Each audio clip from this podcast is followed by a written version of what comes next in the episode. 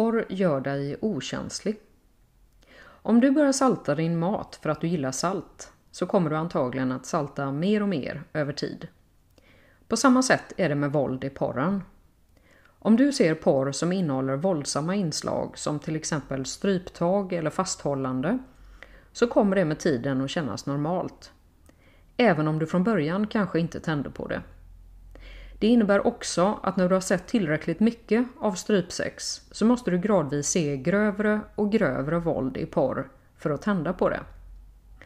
Det som sker med din hjärna i det läget är att du har blivit mindre känslig för våld och därmed mer benägen att utöva våld.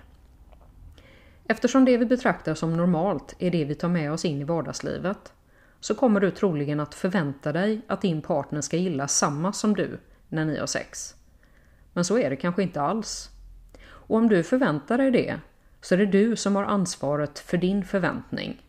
Du behöver ta reda på om din partner verkligen vill samma. Det är inte din partners skyldighet att gå med på något som hen inte vill. Den viktigaste frågan är varför du vill utsätta någon för grövre sex än vad hen vill. Varför är inte ditt mål att ni båda ska njuta?